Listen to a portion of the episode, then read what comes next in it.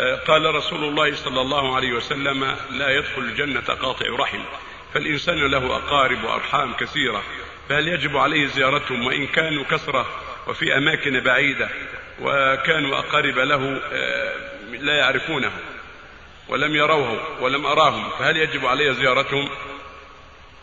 الصلة تكون دون الزيارة هم لازم الزيارة بالمكاتبة بالهاتف بالبرقية بوصية الإخوان يذهبون إليهم بالسؤال عن حالهم وبإرسال الهدية إليهم كانوا فقراء أو هدية من باب الصلة. ليس كل أحد يستطيع الزيارة بالسفر بل يفعل ما ما استطاع. من رسالة طيبة من مكالمة هاتفية طيبة من وصية لفلان يذهب إلى البلد توصي عليهم كيف حالهم كيف أولادهم فلان يسلم عليكم تسمع كتاب إليهم. 那我来了